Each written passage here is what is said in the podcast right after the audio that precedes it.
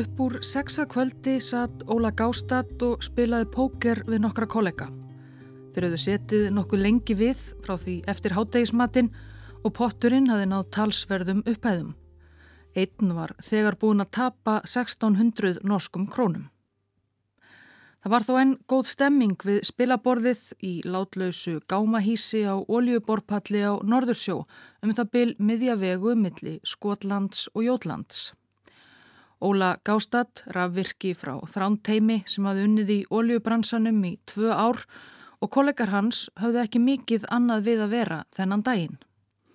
Þeir unnu flestir á öðrum borpöllum.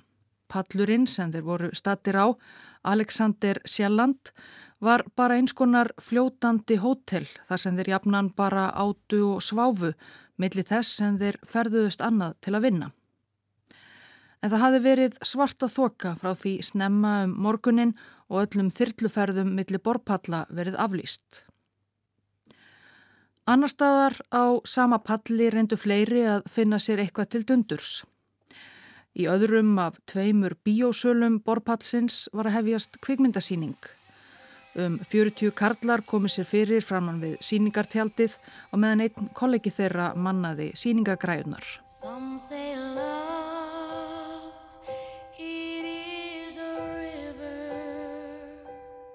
Kvikmynd kvöldsins var The Rose, tónlistar myndbyggð og lífi Janis Joplin með Bette Midler í aðalhutverki. Síningin hófst hálf sjö.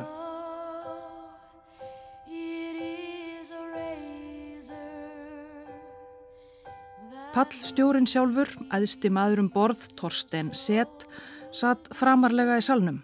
Kvikmyndin var rétt að byrja þegar bíógestir heyrðu háan ding og pallurinn allur hristist. Bíógestirnir litu hver á annan hvað var að ske. Kanski stór alda sem skalla á pallinum, það var svo sem ekkert óvanalegt. Eða það brakaði í einhverjum borð en pallstjórin Sett stóð þó upp úr sæti sínu og skemaði í kringum sig. Nokkrum sekundum síðar hvaðið annar dingur og miklu þingri.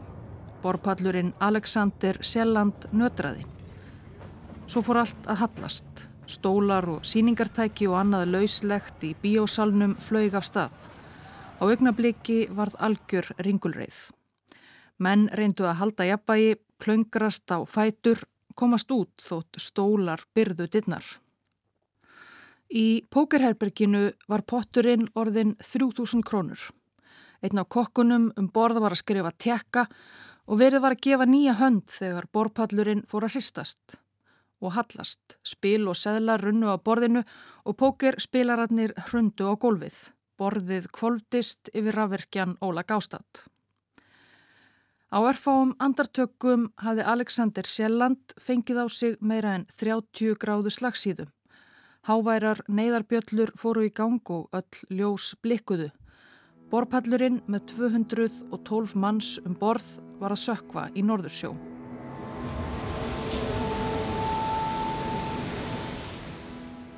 Einn af þeim fáu sem bæði byggu og unnu aðeins á Alexander Sjelland var loftskeitamæðurinn Harry Víke, 32 ára. Hann var nýkomin úr mat og á kvöldvaktina klukkan 6. Það var jafnan mikið að gera hjá honum á kvöldin að hjálpa íbúum á pallinum að ringja heim til ástvinna sinna í Noregi eða á Breitlandsegjum og viða um heim. Verkamennir um borð voru flestir norskir en sumir komu lengra að.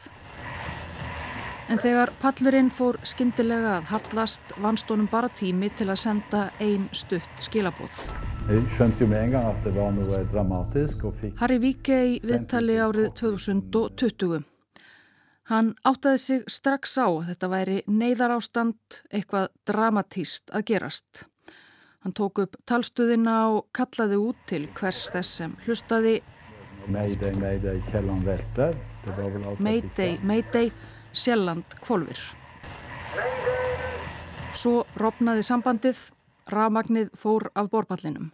Neiðarbjöllutnar hljóðnuðu eins snarlega og þeir höfðu farið í gang og ljósinn slöknuðu.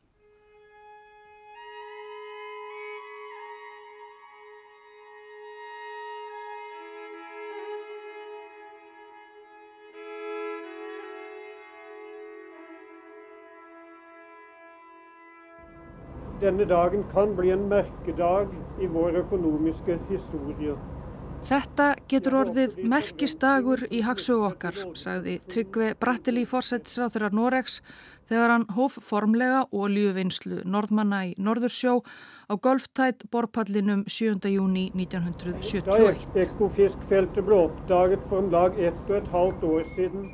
Tæpum tveimur árum fyrr hafði bandaríska óljufélagið Philips fundið miklar óljulindir á norsku yfiráðasvæði í Norðursjó um 300 km suðvestur af Stafangri, svæði sem síðar fekk nafnið Ekofisk. Fyrstu óljuleitarsvæðin voru öll nefnd eftir fiskum. Og Brattili fórsættisráð þeirra reyndist sansbál.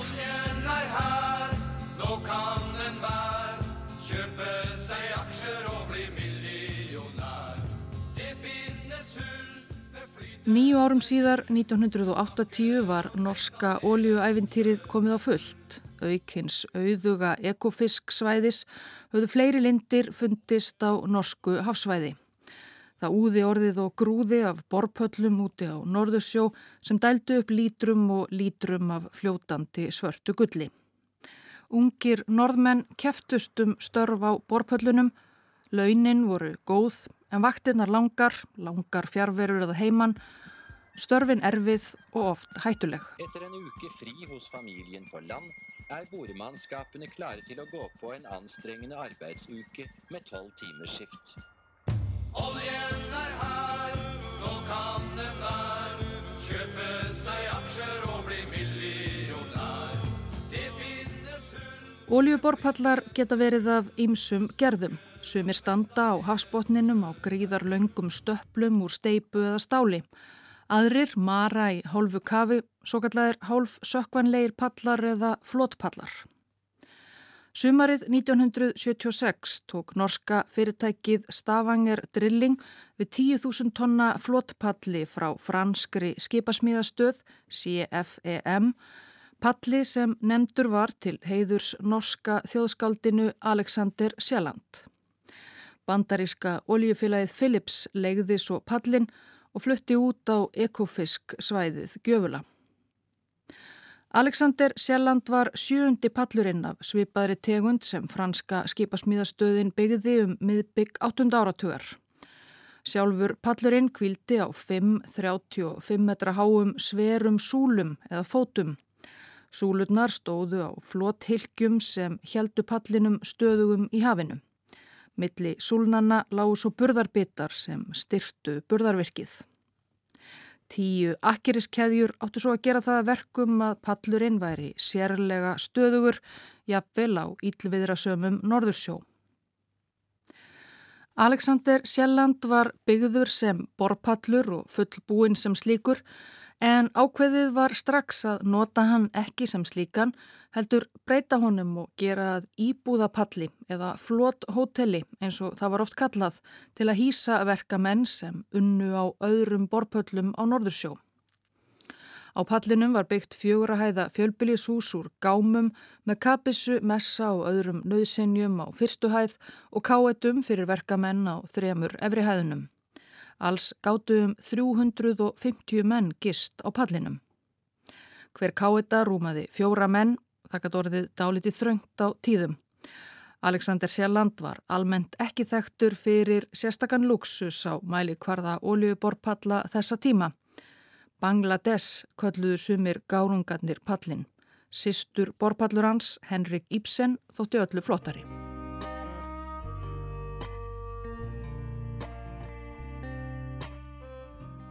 27. mars árið 1980 voru einungis 212 manns á pallinum, 198 gestir og svo mennirnir 14 sem dvöldu bæði og störfuðu á Alexander Sjelland. Pallurinn var þá staðsettur 385 km frá norskri ströndu á 50. og 70. breytargráðu norður eða á svipaðri gráðu og Edimborg. Sjalland lá nær alveg upp við annan oljuborpall, ettu, þar sem nokkur hluti í búanna hafi starfað undanfarna mánuði. Það voru ekki nema 25 metrar eða svo milli pallana og göngubrú tengdi þá saman. Nema þegar ítla viðræði þá var göngubrúin tekin upp.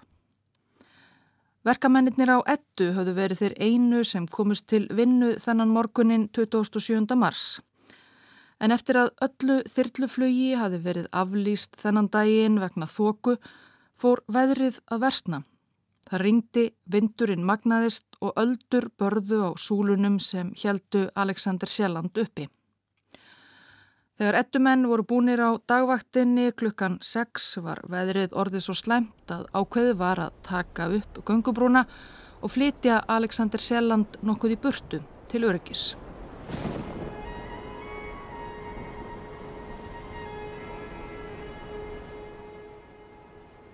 Anders Helligsen hafði líka notað óvæntan frítag í pókerspill. Hann var tvítugur pípulækningamæður og hafði unnið á borpöllum Norðursjávar í tvö ár.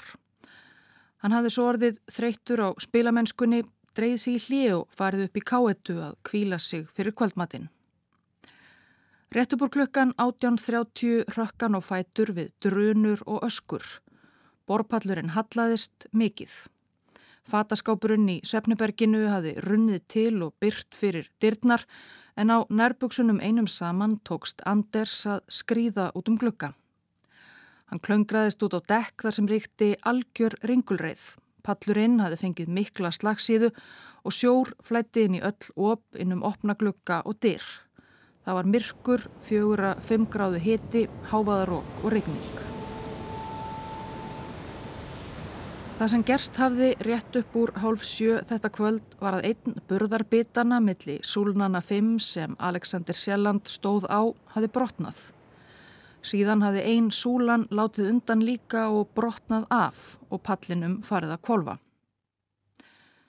Þó pípulagningamæðurinn Anders Helligsen væri bara tvítugur var hann giftur maður og skömmu áður en hann lagði af staði þennan túr út á Norðursjó hafði konan hans sagt honum að hún væri ólétt. Það var þeirra fyrsta barn. Nú reyndi hann að brjóta sér leiði við þilfarið upp og að björgunabáti. Það voru sjö björgunabátar á Alexander Sjalland sem hverjum sigur rúmaði um 50 manns. En það var hægara sagt en gert að komast að þeim í yllviðri og ringulreið á Hallandi þilfarinu. Eitt af fyrsta sem Anders Helligsen kom auga á eftir að hann kom út var einn hans nánasti kollegi. Þeir unnu yðurlega tveir saman í teimi. En þessi vinnur hans lánu þarna á þilfarinu í tveimur pörtum. Þykkur akkeri svír hafði losnað og hæft kollegan af svo miklu afli að hann hafði skorið hann í tvent.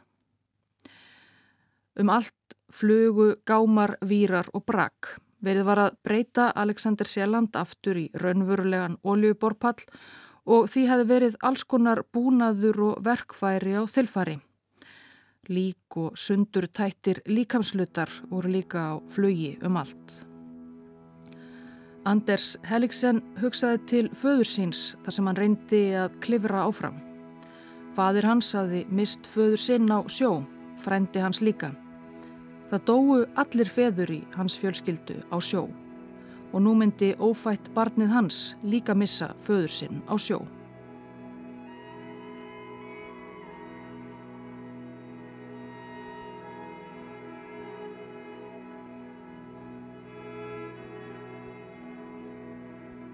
Pókerspilarinn og rafvirkinn Óla Gástad var síðastur til að brjóta sér leið út úr káetunni en hafi tekist að grýpa með sér björgunargalla.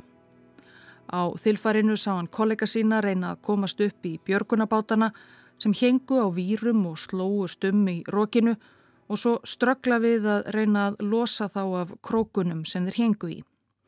Það var flókið mál við svo erfiðar aðstæður og gekk ekkert. Gástad varð vitnið að því þegar kollegi hans kramtist milli björgunabáts og þilfars. Hann fór sjálfur loks upp í einn bátinn þar sem sátu 15 til 20 menn en þeir náðu honum ekki lausum úr festingunum. Mennirnir köstuðust til inni í bátnum og komust hverki.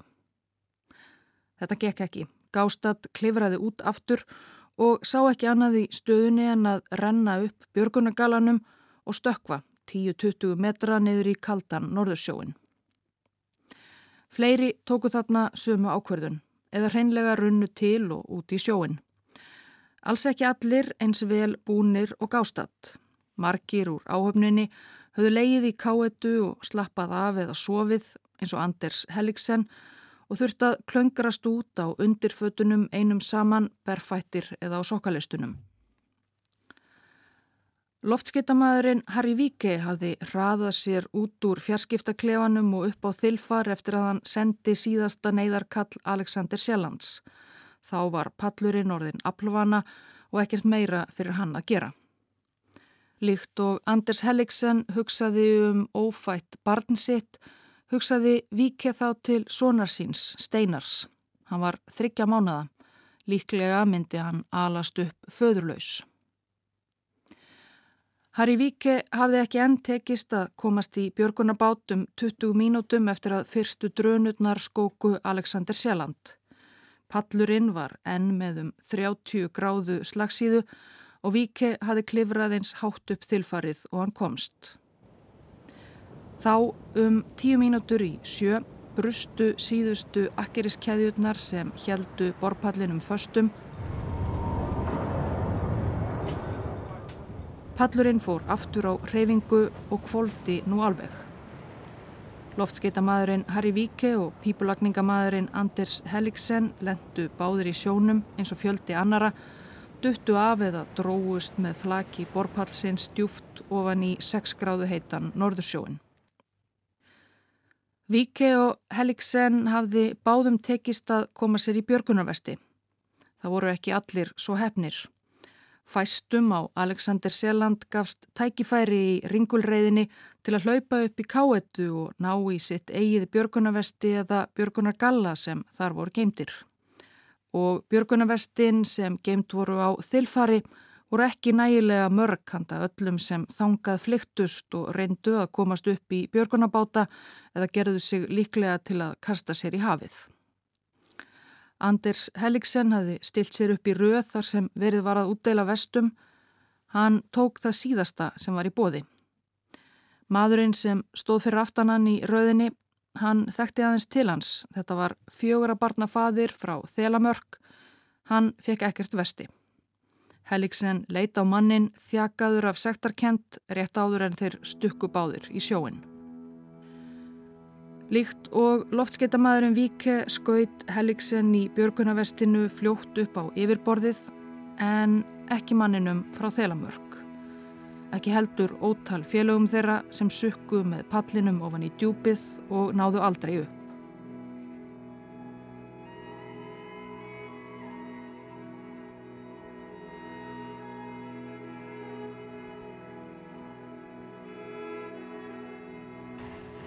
Mayday, Mayday, Sjelland Kolvir. Síðasta neyðarkall loftskeitamannsins á Alexander Sjelland hafði heyrst víða á Norðursjó. Norsk skip, bresk, dönsk, þísk skip og hollensk heyrðu kallið og áhafnir á öðrum oljuborpöllum í nágrenninu. Norsk yfirvöld í landi, stjórnendur oljufélagana, norsk landhelgiskesla og herr settu samstundis mikinn viðbúnað í gang. Skipum á Norðursjó var skipað að stefna á ekofisk oljusvæðið og borpallana Ettu og Alexander Sjeland. Þyrluflugmenn á nálægum borpöllum stukku upp í þyrlur sínar og lögðu á stað þrátt fyrir íllviðri og myrkur. Nokkrar þyrlur voru komnar á vettvang áður en borpallinum kvóldi alveg en við þessar aðstæður var í raun lítið sem þyrluflugmennir gáttu gert til aðstóðar. Það var varla nokkur leið að lenda á pallinum nýja sækja menn um borð og svo kvóldi pallinum alveg.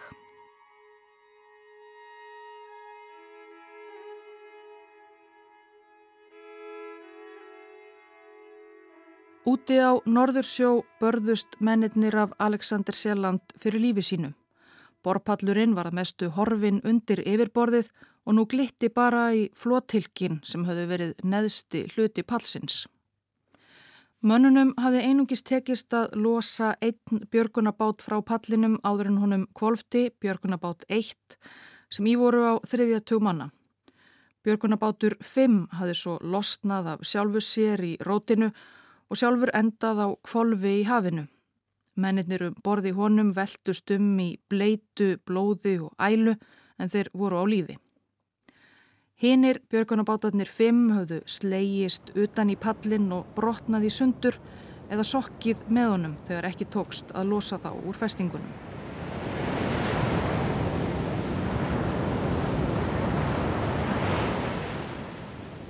Áhöfnin á borpallinum Ettu, bara um 100 metra frá Sjelland, hafði fyrst heyrt óvennulegan skarkala í gegnum vindgnauðið úti og svo með hryllingi fylst með grannpallinum Sjelland fá á sig slagsíðu og hverfa svo í hafið.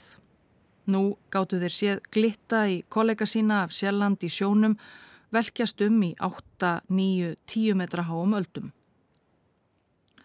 Áhöfnin á ettu flyktist út og kastaði björgunarprömmum, vestum og kútum niður til mannana í sjónum.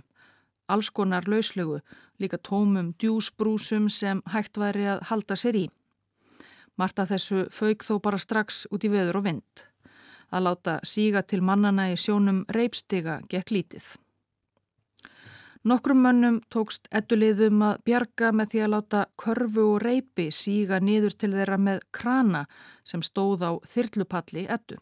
Ég var að horfa á kveikmynd þegar neyðarbjallan fór í gang. Ég hljó beint út í krana á inniskónum, í gallabugsum og stuttermaból.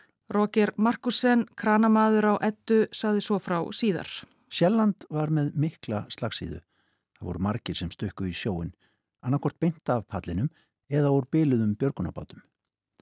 Sumum tókst að grýpa í reypið sem að hjekk úr körfunni en mistu takið þegar ég liftið þeim upp.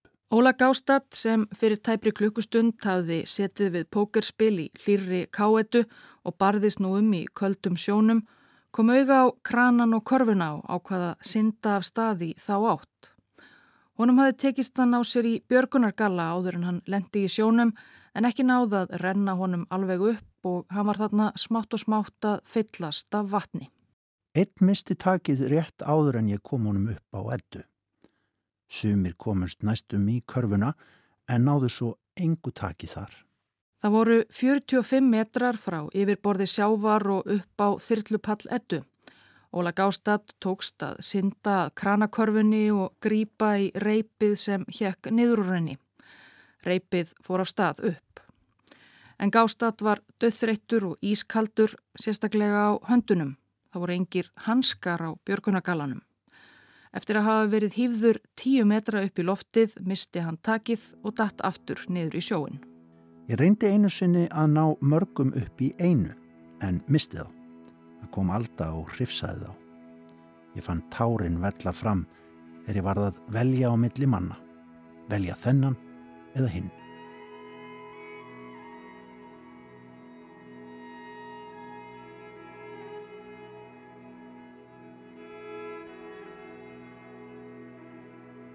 Björgunarskip sem þjóna átti Alexander Sjelland, ettu og fleiri nálægum borpöllum sérstaklega, breyttur tógari, Silver Pit, reyndist svo langt frá þeim stað þar sem það átti að vera, meira en 10 kílometra í burtu, að það var ekki komið á slistað fyrir en 45 mínútum eftir að borpallinum koldi. Þá var lítið fyrir það að gera. Fyrri á vettvang voru byrða og fiskiskip sem verið höfðu í grendinni en það var hægara sagt en gert að sigla um slýstaðin. Veðrið var sem fyrr segir mjög vond, öldugangurinn mikill og yfirborð sjá var krökt af fólki á sundi, af braki og líkamslautum. Skipverja á byrðaskipinu Normand Skipper sem var fyrst á staðin fannst þetta líkjast málverki sem hann hafi séð af Titanic-slísinu, fólk í sjónum sem rík hjælt sér í brak og reyndi að halda sér á yfirborðinu eða hreinlega eins og að djöfullin sjálfur hefði farið þarna um. Alls tóku 80 skip þátt í björgunaraðgerðum 19 þyrllur og 7 flugveilar. Það var vandarsamt verk að stýra skipunum í myrkri og stórsjóinanum brak og fólk á sundi. Eftir ágengu sögur um það meðal sjóara sem tóku þátt í björgunaraðgerðum að kannski hefðu einhverjir sem lifiðu af sjálft slísið lendi skrúfum björgunarskipa og tæsti sundur. En þrátt fyrir erfiðar aðstæður tókst skipum á vettvangi að hjálpa fjölda manna úr sjónum og af björgunarbátum og flekum. Það var líka að hafa hraðar hendur, það lifir engin lengi af volk í köldum Norðursjó.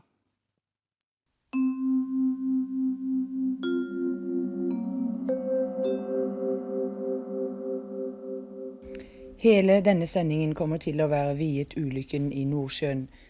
Kvöldagsgrá norska ríkisjómarsins NRK var rofin réttu bráta kvöldið 27. mars með fyrstu fréttum af slisi á oljuborpalli á Norðursjó. Talsverð óvisa var fyrstu klukkutímana um umfangslisins. Þessa nótt byðu margar norskar fjölskyldur í von og óvon og vissu lítið um afdrif ástvinna sinna á Alexander Sjelland hvort þeir væru lífs eða liðnir. Það liðu margar klukkustundir þar til þeir sem lifiðu af komust á fast land og gáttu látið vita af sér. Það varð fljóttljóst að eitthvað mjög alvarlegt hafði átt sér stað. Milli fréttaflutnings á hálftíma fresti var sorgartónlist flutt bæði á sjónvarsrás NRK og í útvarpi alla þessa nótt. Den største ulykken som har rammet Norge i nyere tid. Tallet på omkomne overlevende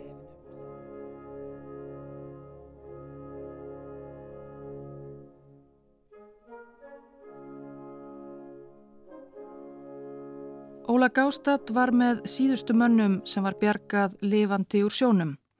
Áhafnarliðar á byrðaskipinu Tender Power komu auga á hann á floti talsvert frá Sleistað Hann hafði þá flotið í næri klukkustund eftir að hafa mistekist að komast með krananum um borði ettu. Hann var nálagt því að missa meðvitund og gæti ekki komið sér sjálfur um borði í skipið.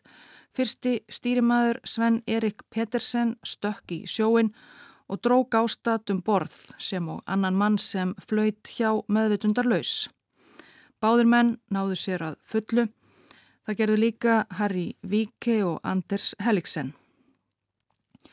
Þegar byrti af degi 28. mars var orðið ljóst að atburðir næturinnar á Norðursjó væri veitt alvarlegasta og mannskæðasta slis í sögu Noregs. Dette helikopteret som kom inn fra Nordsjøen hadde med tolv omkomne etter katastrofen í går. Í sjónvarsfrettum kvöldið 28. mars byrtust myndir af því þegar hver líkpókin á fætur öðrum var borin út úr þyrlum. Eftir den största katastrofen í oljeindustriens historie í Nordsjön. Af 212 mönnum á Alexander Sjelland kvöldið 27. mars 1980 letust 123. 89 komust lífsaf. Flestum þeirra sem björguðust hafði tekist að komast í björgunar, galla eða vesti áður en þeir enduðu í sjónum. Einn Íslendingur fórst með Alexander Sjelland, Hans Herbert Hansen, 33 ára akureyringur og þryggja barna fadir var suðumadur um borð. Hann hafði samkvæmt um fjöllun íslenskra dagblaða 1980 átt að vera í leifi vikuna sem slísið varð en tók með skömmum fyrirvara að sér aukavinnu að beðni eigenda borpallsins Stavanger Drilling vegna skorts á suðumönnum. Líkans fannst aldrei. Fleiri Íslendingar sem störfuðu í norska oljubransanum höfðu komið við á Alexander Sjelland í áranar ás, búið þar eða starfað. Þar á meðal var Tómas Knútsson sem var á pallinum mjög skömmu fyrir slísið. Ég var, ég, var, var að vinna sem vélverki. Tómas sagði frá í viðtali við Huldu Gerstóttur í sunnudagsögum á Rás 2 í november 2020. Ég var á Kjelland bara nokkru dögum áður en hann kvóldi og ég var ammali 20. mars, hann fórst 27. og um, ég var þá bara í landi og, og, og, og þetta situr stundum svona aðeins í mér því að því að hérna, þetta var þetta, mér fannst eins og ég hef verið bara heppin að hafa átt hennan ammælistag að því ég grenjaði út að fá að fara í landa því ég var eiginlega búin með þetta verkefni sem ég var að vinni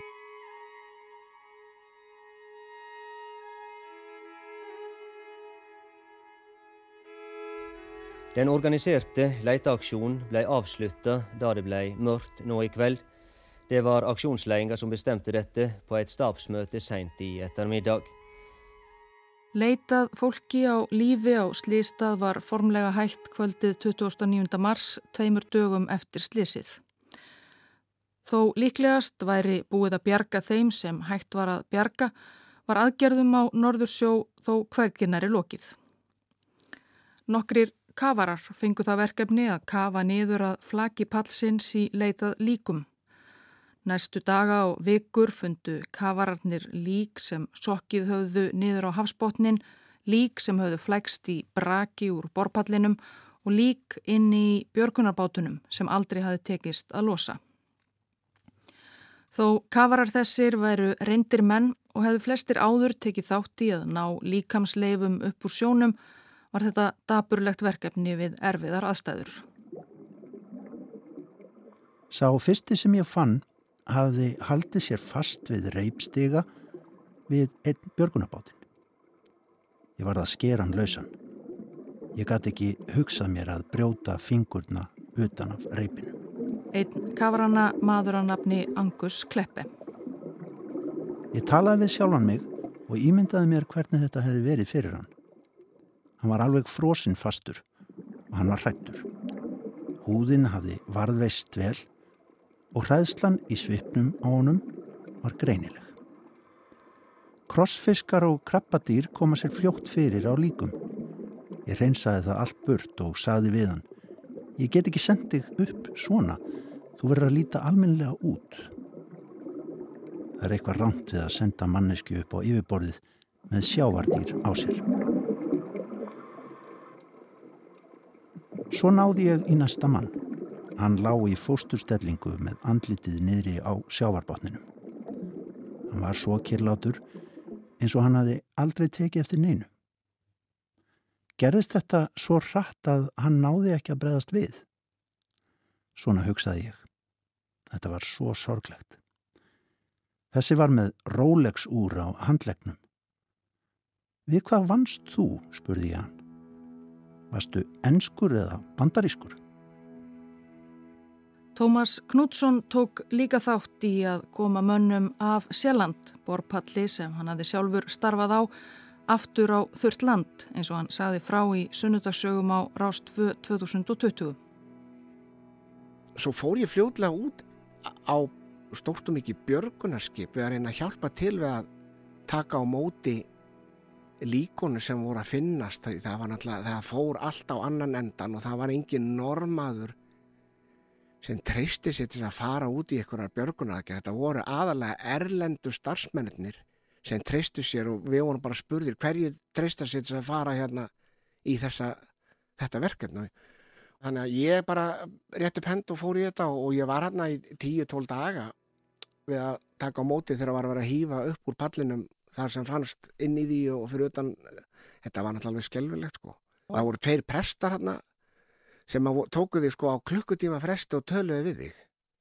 Þess að það var svona fyrsta áfallahjálpin sem að ég lærði en þetta var mikið högg fyrir norskan ólíðina og norsk samfélag.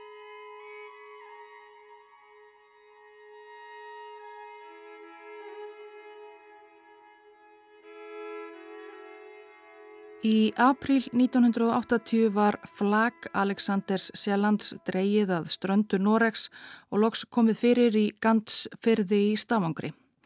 Pallurinn var þá enn á kvolvi í sjónum. Net var strengt undir hann ef skeið kynni að einhver lík skildu fljóta út úr flaginu á ferð pallsins til strandar. En var talið að á fjórðatug líka geti verið að finna inni í pallinum. Í september 1980 var gerð tilraun til að koma pallinum á réttan kjöl. Það var mikil erfið framkvæmt og dýr og mistókst. Hvort gera eitti aðra tilraun var það pólitísku bitbeini í Noregi áður en loks var tekin ákvörðunum að reyna aftur í september 1983. Dette er katastroferiggen Alexander L. Kielland, slik den langsomt dukket opp av havet andre helga i september. Sú síðari tilraun tókst, kostaði reyndar jafnu mikið og allur pallurinn á sínum tíma og upp úr fyrðinum byrtist loks kolriðgað og slímugt flag Alexander Sjellands eftir meira en þrjú ár undir sjáarmáli. Flagið var þá rannsakað en einungis fundust sex lík til viðbótar. Líkamsleifar 30 manna fundust aldrei. Aftur varð nú það að deilumáli stjórnmálamanna hvað gera eitti við flakið. En 18. november 1983 var það loks dreyið af stað á nýju út í Netstrandsfjörði í Rógalandsfylki og þar var borpallinum sögt á 700 metra dýpi.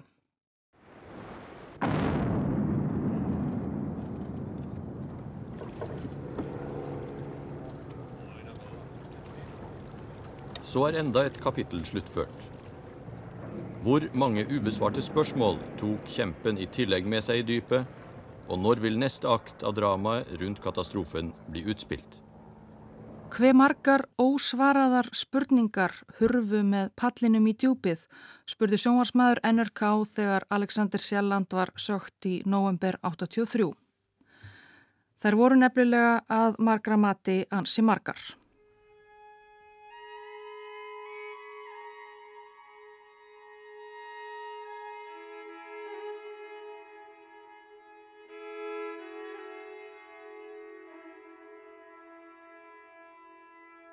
Strax skömmu eftir slísið lístu norsk stjórnvöld því yfir að atbyrðir kvöldsins 27. mars 1980 erðu rannsakaðir til hlítar. På sitt møte i dag eh, tidlig klokken 9 har regjeringen da besluttet at det så raskt som mulig skal nedsettes en undersøkelseskommisjon. Skipið var rannsóknar nefnd sem gaf út niðurstöður sínar í skýrslu í mars 1981. Mat nefndarinnar var að orsökslissins mætti rekja aftur til þess þegar pallurinn var smíðaður í Fraklandi 1976. Kastað hefði verið til höndum þegar jafnvægismælir var svoðinn við einn bitan í burðarvirki pallsins. Sprunga myndaðist smátt og smátt í bitanum sem síðan brast og keðjuverkun var til þess að einn af fimm fótum hans brotnaði loks af í yllviðrinu 27. mars 1980 með þessum hryllilegu afleðingum. Franska skipasmíðastöðin hafnaði ábyrð. Hún bendi á í umælum sínum til rannsóknarnemdarinnar að ímislegt annað hefði getað átt sög á að svo ítla fór. Til að mynda hafði ekki öllum tíu akkeriskæðjum pallsins við kastað þegar slísið varð, aðeins átta, en það gerðu normennir jafnans og hægt væri að leggja sjelland þjætt upp að öðrum borpöllum eins og ettu. Úr varð mikill málaregstur þegar bandaríska oljufélagið Philips Petroleum og Nost tryggingafélag þess kröfuðu skipasmíðastöðina um 700 miljón norskar krónur í skadabætur. 1991 samti skipasmíðastöðun loksum að borga 1% af þeirri upphæð. Alexander Sjelland slísið varð til þess að öryggismál í norska oljubransanum og víðar á norður sjó voru tekinn til gagngerrar endurskoðunar og lærdómur sem hlaust af þessum hryllilega degi hefur ánefa orðið til að bjarga mannslífum síðar meir. Margir ástvinir þeirra 123 manna sem fórust með Alexander Sjelland 27. mars 1980 hafa þó í áratugi þrýst á norsk stjórnvöld að gera meira. Þeim gremst að enginn hafi í raun verið dreygin til ábyrðar vegna slissins, enginn þurft að svara fyrir neitt. Ólíu fyrirtækin sem áttu og rákupallin sloppið billega. Ástvinnirnir hafa því lengi beitt sér fyrir því að slísið verði rannsakað að nýju. Spurningum, segja þau, um mannskæðasta vinnuslís norskrar sögu sé enn ósvarað.